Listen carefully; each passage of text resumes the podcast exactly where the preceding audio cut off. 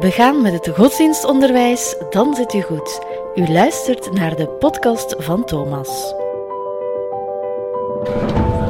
Voor deze aflevering sta ik in een klas, meer bepaald de klas 5 Grieks-Latijn en Latijn-Wiskunde uit het Xaverius College in Antwerpen. En je hoort dat ze aan het binnenkomen zijn. Maar waarom, vraagt u zich af. We doen dit vooral ter ere van alle godsdienstleerkrachten. Onze rubriek Leerkracht in de Kijker op de Thomas-website viert deze maand namelijk haar honderdste editie. 100 godsdienstleerkrachten al, die met ons hun motivatie en enthousiasme voor ons en hun vak deelden. En dat laten we niet ongemerkt voorbij gaan. Want het is ons gelukt om straks hier de Antwerpse bisschop Monseigneur Bonny een les te laten geven over de relevantie van het vak godsdienst vandaag in 2023. Want Monseigneur Bonny is binnen de bisschoppenconferentie onder andere verantwoordelijk voor onderwijs en hij is daarboven ook nog voorzitter van Katholiek Onderwijs Vlaanderen. Dus de onderwijssector is hem niet vreemd. Zo ook deze klas? Voor zijn aankomst leggen de leerlingen samen met de leerkracht de grote structuur van de kerk nog eens op tafel.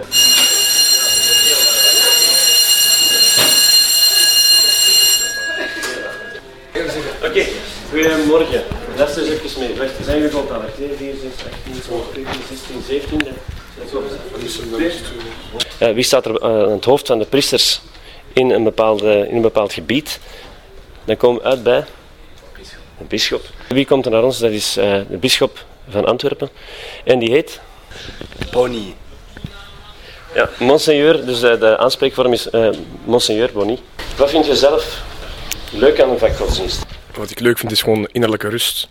Als je zo soms tot jezelf komt, gewoon zo vooral vroeger, zo in het eerste en tweede, was dat gewoon zo om tot rust te komen en dat vond ik echt wel leuk.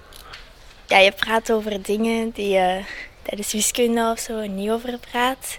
Dus soms moet je al zo ja, goed nadenken over dingen of zo. Maar ja, ik vind het wel leuker als het zo over um, ja, ik weet niet, maatschappelijke thema's of zo gaat dan over de Bijbel, vind ik. Allee, dat deden wij vooral in het eerste en tweede. En ja, nu kan je zo meer over andere dingen praten. Ik vind godsdienst en zedeleer en wij, zo over maatschappelijke problemen en zo leer je wel gewoon hetzelfde, maar bij godsdienst wordt het dan nog verbonden aan zo Bijbel en God en Jezus en zo. Maar onder, ja, op zich doe je wel dezelfde thema's zoals zo vriendschap, liefde en zo van die problemen. Maar natuurlijk is dat bij godsdienst dan verbonden met de Bijbel. Er is uh, de laatste jaren, uh, pakt twaalf jaar is er nu uh, veel gesprek in België over mogelijk een andere invulling of afschaffen van het vak godsdienst. Um, zouden een verlies zijn als we het vak godsdienst afschaffen? Wat denken jullie?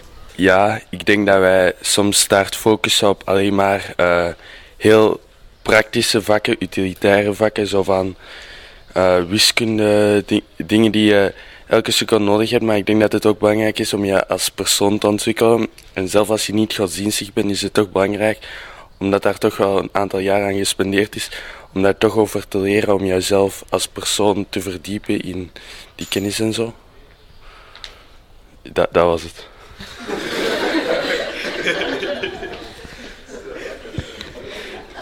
um, ik zou wel graag filosofie en burgerschap hebben in de plaats van godsdienst, omdat dat mij gewoon meer interesseert.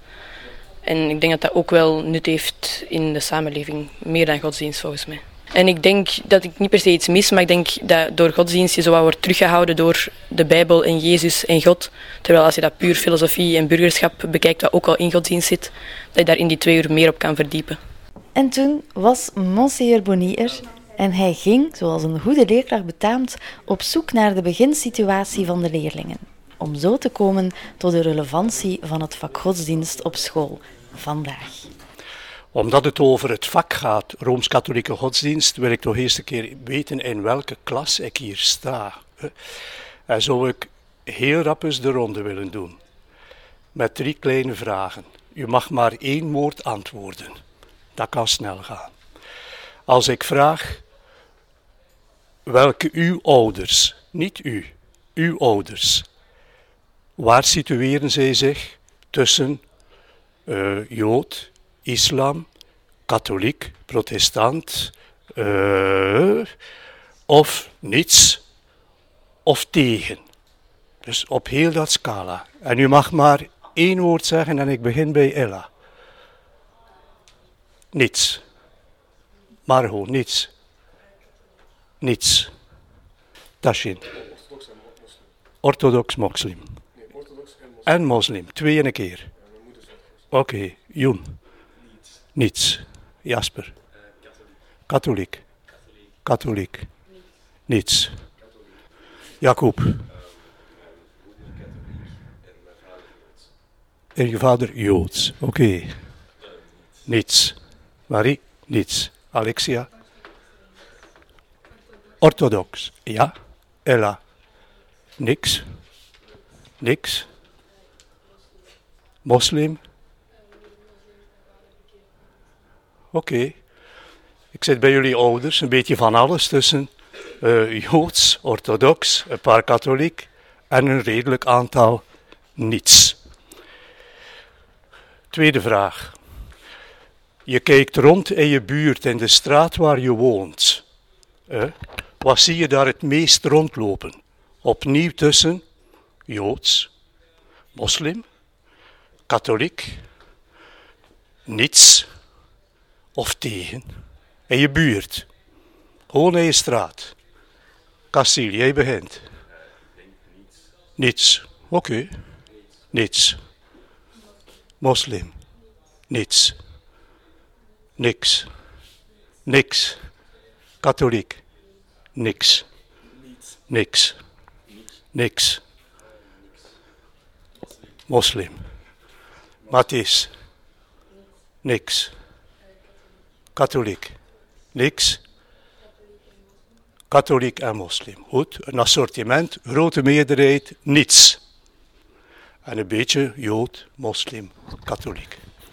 De derde vraag van je niet verplicht van te antwoorden. Als je niet antwoordt, leg je gewoon je ellebogen op tafel. Als je voor jezelf zou zeggen, waarmee ben ik nu bezig? Wat interesseert me? Of waar luister ik wel een keer naar of zoek ik u naar? Op hetzelfde spectrum, voor jezelf. We gaan weer beginnen bij Ella. Gewoon wat interesseert me, waar ben ik mee bezig? Ik vraag niet waar hij zondags naartoe gaat. Goed. Ja, van geloof. Niks. Niks. Niks.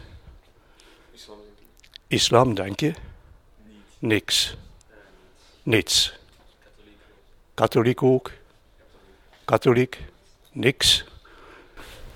Ja, ik weet niet, maar het is een beetje raar, maar ik ben wel geïnteresseerd in boeddhisme. Geïnteresseerd in boeddhisme, oké. Okay. Niks. Niks. Niks. Niks. Niks. Islam. Islam. Goed, ik heb heel veel niets gehoord. En dan een paar islam en een paar kort andere. Goede vrienden, en dan staat daar die godsdienstleerkracht met zijn vak Rooms-Katholieke godsdienst in een katholieke school. Er zijn andere schoolnetten in Vlaanderen, eh, maar in het katholieke net bieden wij dat vak Rooms-Katholieke godsdienst aan. En is de vraag, waarom vinden diegenen die het onderwijs aanbieden en organiseren het belangrijk om dat vak te blijven aanbieden? Goed. Kijk, als u nota zou nemen, omdat het de les is, dan mag je eerst opschrijven, als je wil, dan heb je het mee, zoeken, nadenken, kritisch zijn. Zoeken, nadenken, kritisch zijn. Wat bedoel ik daarmee? Een mens is een wezen dat nadenkt en kritische vragen blijft stellen. Bij elke vooronderstelling. Je hebt wat meegekregen van je ouders, van je buurt, of je hebt niets meegekregen. Bij elk van de antwoorden die je meegekregen hebt, past kritische bevraging. Dus het eerste was zoeken, nadenken, kritische blik. Goed. Blijven nadenken. Dat vind ik heel belangrijk. Als ik zeg, ik ben orthodox, of ik ben joods, of ik ben katholiek, of niets, dan blijft de uitdaging waarom is het niets. Waarom? Is het een ingeslapen geloof of een ingeslapen desinteresse? Maar waarom? Voilà. En dus de godsdienstleerkracht vind ik, die is er om te blijven uitdragen, na uitdagen op de waarom-vraag. Waarom geloof ik het? Waarom geloof ik het niet? Waarom heb ik interesse? Waarom heb ik geen interesse? Het antwoord blijft het uwe, maar blijven de worsteling levend houden. Ik vind het voor een mens van de 21ste eeuw te gemakkelijk om te zeggen: ja, maar ik ben met die vraag niet bezig. Dat is simpel. Ik ben met de vraag niet bezig. Nee, de mens is een nadenkend wezen. U, zult nog wel een vak filosofie of denken krijgen. Er zit in de, in de mens een zoektocht naar zin. Blijven worstelen met die vraag. En nooit tevreden zijn met een simpel antwoord. Als men zegt, ik ben moslim, daarom ze. Of ik ben katholiek, en wel, daarom. Of ik ben niets, daarom. Ja, daarom, dat is het simpele antwoord dat men geeft aan een kind. Waarom mag je niet aan het snoep zitten? Daarom. Ja, maar daarom, dat is simpel. Voilà, heel kort geschetst. Je hebt de verstand gekregen om vragen te blijven stellen bij alles wat je hebt meegekregen. Of dat nu iets is of niets. Dat is één. Twee, ik zit hier in een Latijnse klas, dus mag ik die ook een woordje Latijn geven.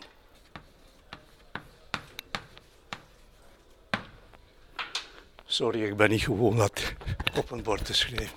Fides, dat is geloof. Querens betekent zoekende. Intellectum, denken, verstand. Het geloof dat bezig is met zoeken, te begrijpen. Het geloof dat zoekt om te verstaan.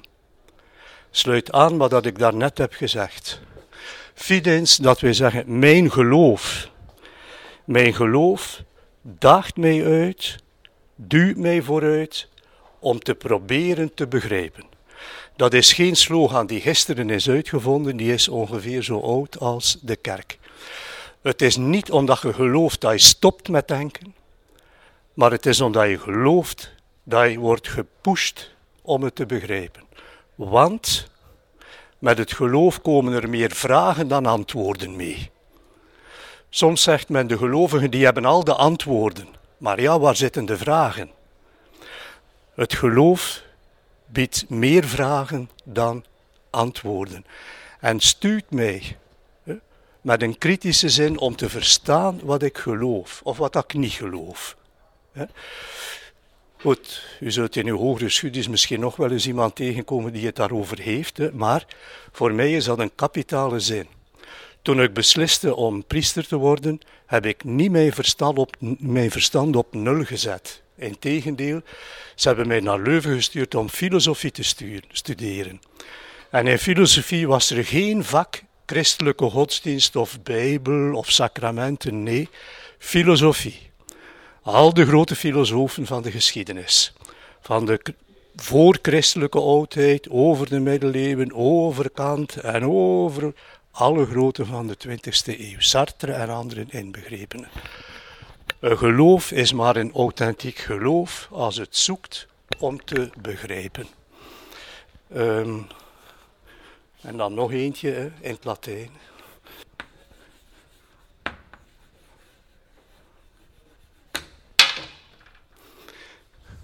Credo, ik geloof. Ut, opdat ik, conjunctief, ut intelligam.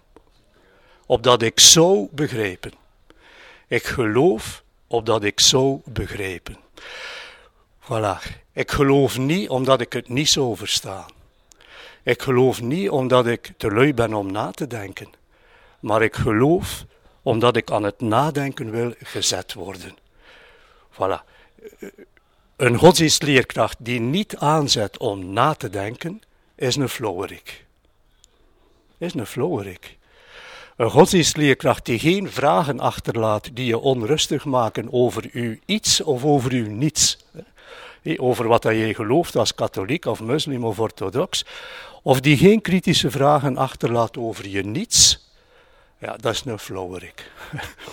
credo ut intelligas. Ik geloof opdat ik zou begrijpen, omdat ik zou uitgedaagd worden om te begrijpen. Voilà, ik weet dat ik hier in een uh, klas zit van uh, Latijnse, Griekse wetenschappen. Jullie gaan verder studeren, men zal uw hoofd met van alles proberen te voeden. Uh, maar weet dat dat christelijke geloof van ons een push is om verder na te denken.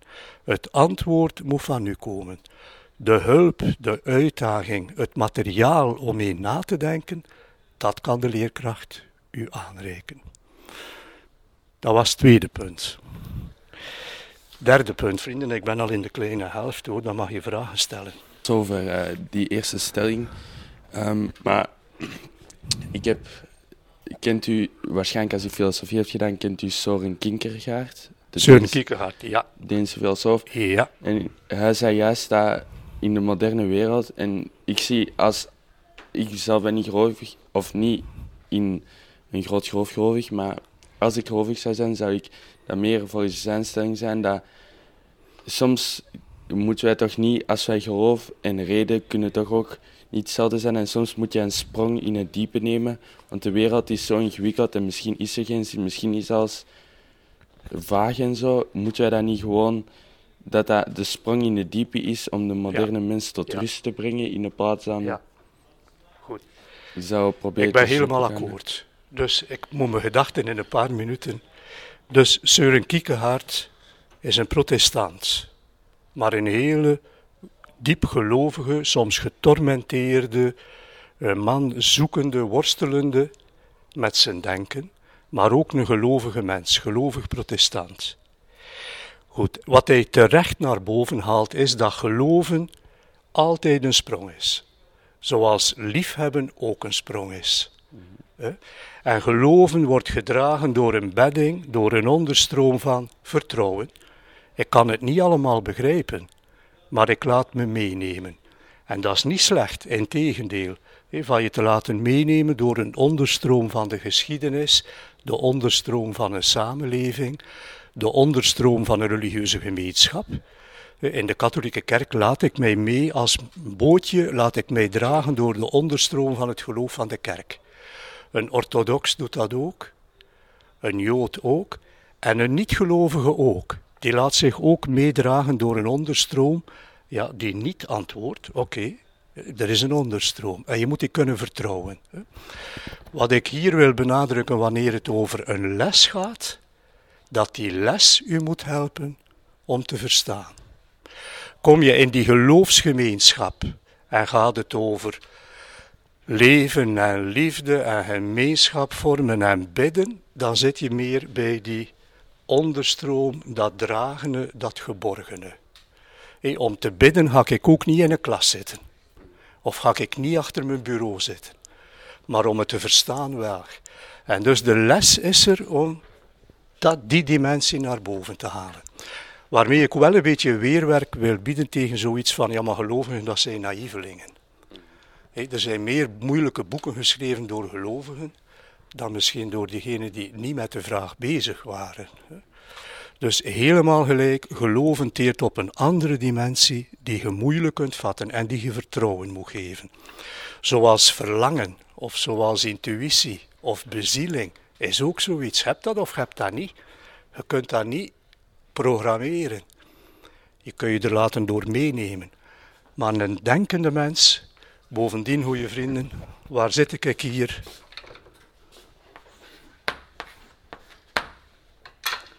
Ga het aan uw bazen zeggen, dit is een Jezuïetencollege. En de Jezuïeten zijn uitgerekend diegenen geweest binnen de katholieke kerk die altijd gezegd hebben, we voeden het hart, maar we voeden ook het hoofd en het denken. Dus ik denk dat ik hiermee echt op de, de, de vezel zit van wat heel de Jezuïtentraditie ooit in kerk en samenleving heeft neergezet. Is het vertrouwen? Ja. Is het intuïtie? Ja, zoals veel dingen in het leven. Als je straks ingenieur wilt worden, of dokter, of uh, technicus, of als je straks verliefd wordt, dat is nog belangrijker in het leven. Dat is allemaal intuïtie. Je laten meenemen, vertrouwen. Maar alsjeblieft, hou er uw verstand bij. Ook in de liefde. Voilà. Uh, keer terug naar mijn blaadjes. Nog een derde, waar ik u wil meegeven waarom die godsdienstles belangrijk is. Geloof en gemeenschap. Geloof en gemeenschap. Kijk, wij komen vanuit verschillende contexten. Religieus, misschien ook van cultuur en achtergrond en familie. Wij zijn geroepen om binnen zoveel jaar samen de samenleving te dragen. Of dat dan nu is in een bedrijf, in een ziekenhuis, in de administratie, bij de politie, in een supermarkt of in een godsdienst. We zijn geroepen samen die samenleving te dragen.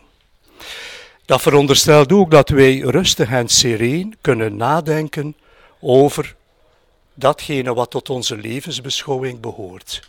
Waarom we wel, waarom we niet geloven. Wat het ons zegt, wat het ons niet zegt. Hier zitten we nog in het centrum van ongeveer van Antwerpen. Ik moet u niet uitleggen hoe die complexiteit bepalend is voor de toekomst van de stad. En er is niets gevaarlijker voor godsdiensten wanneer ze zich herleiden tot een cliché. Dat zijn de goeie, dat zijn de slechte. Dat zijn de extremisten, dat zijn de redelijke. Dat zijn de ware gelovigen, dat zijn de verkeerde gelovigen. Oké, slogans gaan er altijd de ronde doen. Maar een les is er om hier de tijd te nemen, een keer rustig aan elkaar uit te leggen. Wat zegt christendom mee? Wat zegt orthodoxie mee? Waarom ben ik islam? Wat zegt mij dat? Evengoed als de Vlaming die zegt, ja, met godsdienst en levensbeschouwing, ja, nee, dat, ik ben daar niet mee bezig. Oké, het waarom niet dan? Rustig leren omgaan met die verschillen. Tegenover de banalisatie daarvan, soms in de media of langs de straat of in het politieke discours. Wapen u hier tegen simplificaties. Op het religieuze vlak, wapen u hier tegen simplificaties. Zorg dat je hier gesprekspartners hebt aan wie dat je later bij pot en pint kunt vragen: Hé, maar waarom gelooft gij? Of waarom gelooft gij niet? Of waarom orthodox of zoveel Joden in Antwerpen. Zorg dat je hier collega's hebt met wie je later rustig, zonder schrik en zonder te willen, uh, weet ik wat, eh, de ander voor schut zetten, een open gesprek. Wel nu, dat moet je leren. En het is mijn diepste overtuiging dat de beste plek om dat te leren de school is. En binnen de school uiteraard het vak waar het over godsdienst, levensbeschouwing gaat. Voilà, dat is. Ik pleit constant voor het vak. Niet zozeer met het oog op de toekomst van kerk en godsdienst, maar met het oog op de toekomst van de samenleving. Als je in Antwerpen een bommetje wil ontploffen, laten ontploffen, en ik heb het nu niet over auto's, ik heb het over de gedachten en de geesten van de mensen, en wel, doe dan eenzijdige, verkeerde uitspraken over andere levensbeschouwingen. En dan ontploft het. De tegenbeweging die kan enkel komen van jonge generaties, op school samen met elkaar en in een les die daarover gaat. Voilà, dat is mijn derde. En dan heb ik nog mijn vierde en laatste punt. Uh, het klopt, we zitten hier in een vak christelijke godsdienst, rooms-katholieke christelijke godsdienst. We bekijken het religieuze landschap vanuit een christelijk standpunt. Er is dus een standpunt voorafgegeven aan de les. Dus de les vertrekt niet van er is niks. De les vertrekt vanuit een uitkijktoren. Te vergelijken met taal. Als jij wil leren spreken, dan moet je eerst een taal leren en met die taal kun je spreken. Als je wil spreken in het Frans, in het Duits, in het Engels, dan moet je eerst die taal leren. En die taal laat je toe om te communiceren. Als je wiskunde wil studeren, moet je eerst heel dat wiskundige apparaat in je hoofd hebben, met al die formules. En dan kun je beginnen wiskunde bedrijven. Het niets De taalloosheid helpt je niet om met elkaar keurig te spreken. Onkunde van wiskunde, van formules en statistieken en logica helpt je niet om wiskunde te bedrijven. Idem voor godsdienst. Je kunt ermee aan de slag zoals je wil, maar als je het instrumentarium niet hebt meegekregen, ga je er ook niet mee kunnen werken. Is dat een beperkt standpunt? Ja, zoals Nederlands ook maar één taal is. En Frans ook maar één taal. En Spaans ook maar één taal. Maar die ene taal staat je toe om met andere talen in gesprek te gaan. Voilà. Godsdienst niet vanuit de leegte, laat maar een beetje opborrelen zo. Ja, nee, dat doe je ook niet met Frans of met Duits of met wiskunde of met sport en muziek ook niet. Je leert er één en die één staat je toe om met anderen in gesprek te gaan. Voilà, dat was wat ik had voorbereid uh, en waarop ik graag aansluitende vragen wil beantwoorden. Ik zie een heel interessante vraag al komen. Ja, um, ik heb een vraag over de heilige drievuldigheid. Ik snap niet echt wat dat inhoudt. Ja. Nou. Oké, okay, dat is het beste dat je daarbij kunt voelen. Ik versta het niet. Goed. Kijk, ik heb het overgeslagen, maar in mijn tekst stond ook nog dit. Godsdiensten verschillen van elkaar.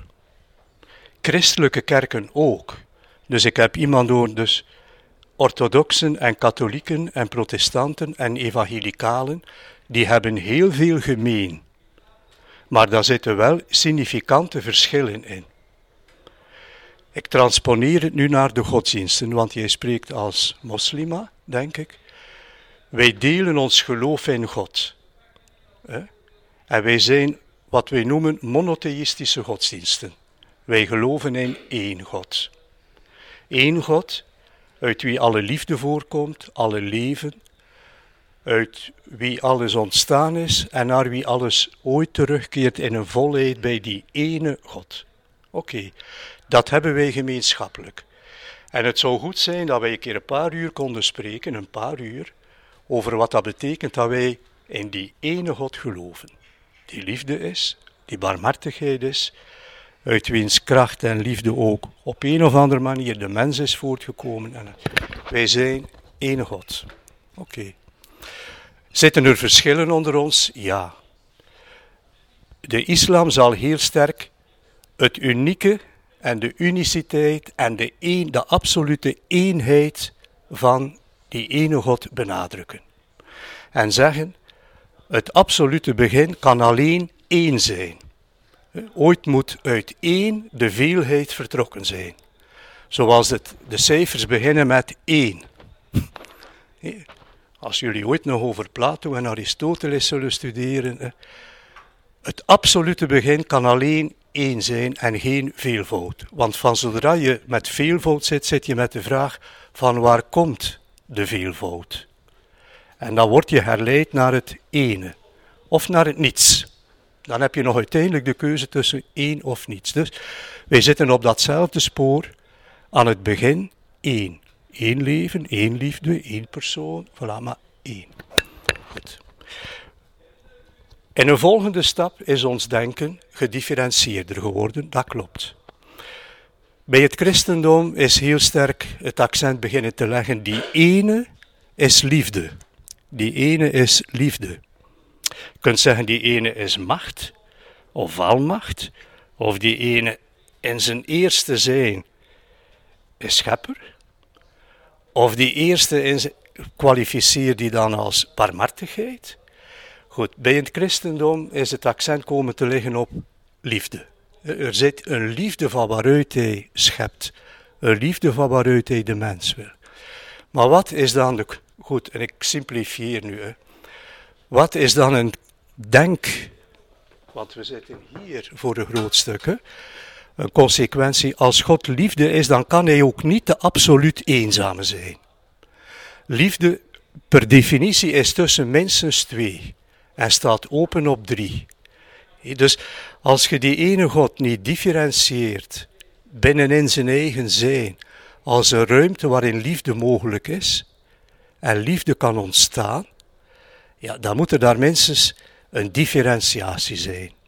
Anders is iemand die puur van zichzelf zit te houden, bij manier van spreken, ja, dat is geen liefde. Dat is, uh, weet ik wat, dat is ijdelheid. Of, uh, of weet ik wat. Maar, dus als het liefde is, differentieer je. Goed. Gekoppeld dan aan het verhaal van Jezus en zo verder. Maar wat ik wil zeggen is dit. Is er veel gemeenschappelijk? Ja. Zijn er belangrijke verschillen? Ja. En wij moeten over de twee kunnen spreken. En dat moet kunnen in een godsdienstles. Dat moet kunnen in een godsdienstles. Ik moet als christen kunnen zeggen, hoe komen wij tot Vader, Zoon en Geest? Hoe, waarom is dat gedifferentieerd? En jij moet kunnen zeggen, ja maar ja, er kan toch bij zijn monotheïsten. Hè? Wij zijn geen polytheïsten, wij zijn geen naturalisten. Overal hangt er wel een beetje geest zoals de mist. Nee, de mist. Nee, wij geloven in één God. Dat moet jij kunnen zeggen. En de godsdienstles is denk ik de ruimte waar de interessante gelijkenissen, maar ook de interessante verschillen kunnen uitgesproken worden. Uh, meneer, uh, monseigneur, sorry. Heeft het Rooms-Katholicisme niet voor een bepaalde homofobie gezorgd doorheen de geschiedenis in West-Europa? Het antwoord is samen met alle anderen ja. Samen met alle anderen ja. Het zat in de cultuur, het zat in de literatuur, het zat in de familie, het zat overal, dus ook in de kerk. En dat wij daar deel hebben aan de ontwikkeling van de cultuur, is evident. Het kwaad begint wanneer je een goede ontwikkeling in de cultuur tegenhoudt. Dat, dan begint het kwaad. Dus heeft men ooit, uh, weet ik wat, uh, het, het bewustzijn dat we voor de natuur moeten zorgen. Mijn ouders hadden dat niet. Die waren daar niet mee bezig. Die hebben veel onder de grond begraven als lam. Goed, het bewustzijn ontwikkeld, dan wordt het nu wel kwaad om dat wetens- en willensverkeer te doen. Dus heeft de kerk er mee toe bijgedragen, ja, met, met, met al de anderen. Dus er was zo'n evidentie, liefde dat is alleen man en vrouw, huwelijk dat is alleen man en vrouw, en de rest wordt, uh, willen we niet zien, hè, of mogen we niet zien, of verstoppen we. Ja. ja. Wanneer begint schuldig verzuim? Als je tegen een goede ontwikkeling dan nog blijft weerstand bieden. En dan zit je inderdaad in een gedifferentieerd verhaal, ook wat de samenlevingen betreft en de kerk en de culturen vandaag. Die vraag ligt anders in Afrika, in Azië, in Noord-Afrika als hier. Dus de kerk is ook niet één subject dat overal, wij zijn geen machientje dat overal hetzelfde zegt en doet. Hè.